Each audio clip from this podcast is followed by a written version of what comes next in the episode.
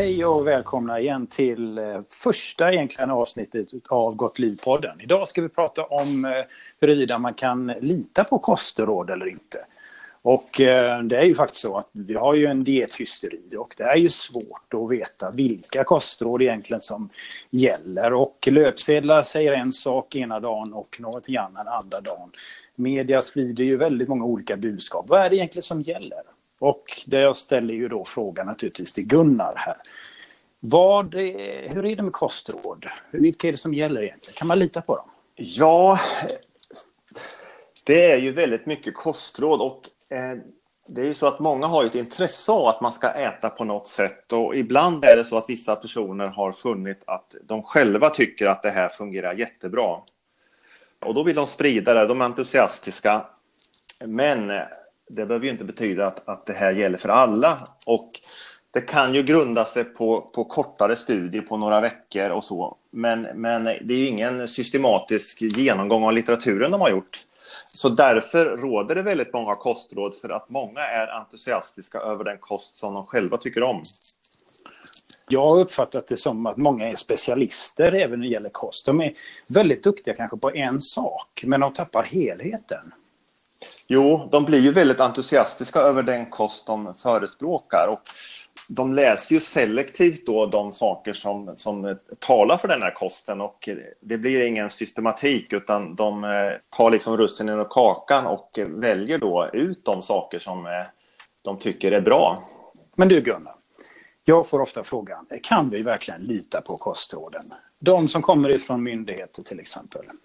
Ja, jo det är en vanlig fråga och det, det, är en befogad fråga för det är ju som sagt väldigt mycket kostråd. Och när vi tittar på de här stora organisationerna som World Cancer Research Fund, American Cancer Institute, eh, de nordiska näringsrekommendationerna och så vidare så bygger det på en enormt många människor, det kan vara hundratals människor, experter i hela världen som har tittat på någon fråga och det du, det du säger här, men det här är faktiskt viktigt. Det är inte en eller två personer som sitter och gör kostråd, utan det kommer ifrån en världsomspännande mängd forskare och studier. Det här är viktigt att komma ihåg faktiskt.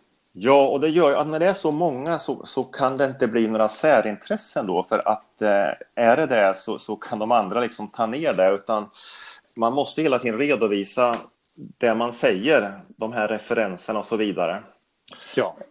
Så att det är det som gör att man kan tro på det här, att, att det är så många och att det är de bästa i världen som har tittat på det här. Lönar det sig då att, att följa kostråden? Ja, man har gjort studier på det och det är faktiskt så att man får bättre hälsa, man blir frisk längre, man blir sjuk mindre och man lever längre.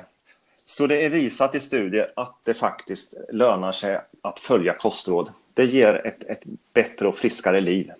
Ja, och eh, det är väl egentligen så. Det är väl ganska enkelt egentligen. Det är väl att så gott som möjligt, så mycket som möjligt vända sig åt det vegetariska hållet. Ja, generellt sett är det ju så att kostråden går mer och mer åt grönsakshållet.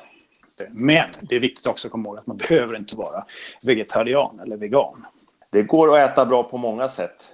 Det viktigaste här är att, att man, man litar inte på några enskilda personer som eh, säger något speciellt utan man håller sig till de här stora organisationerna där det är väldigt många personer som har gjort systematiska litteraturgenomgångar.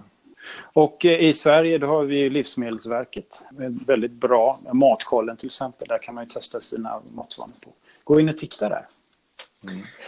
Och Livsmedelsverket de bygger sina rekommendationer på Nordiska näringsrekommendationer som då är ett stort antal människor som har tittat på effekter av kost.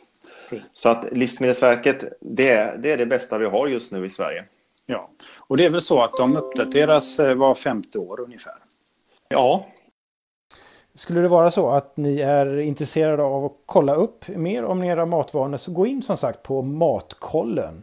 Det är alltså inne på Livsmedelsverkets hemsida. Där kan ni göra ett test på några få minuter och få ganska bra rekommendationer kring vad det är ni faktiskt ska äta. Nästa avsnitt kommer handla om hälsosam träning. Vi hörs då!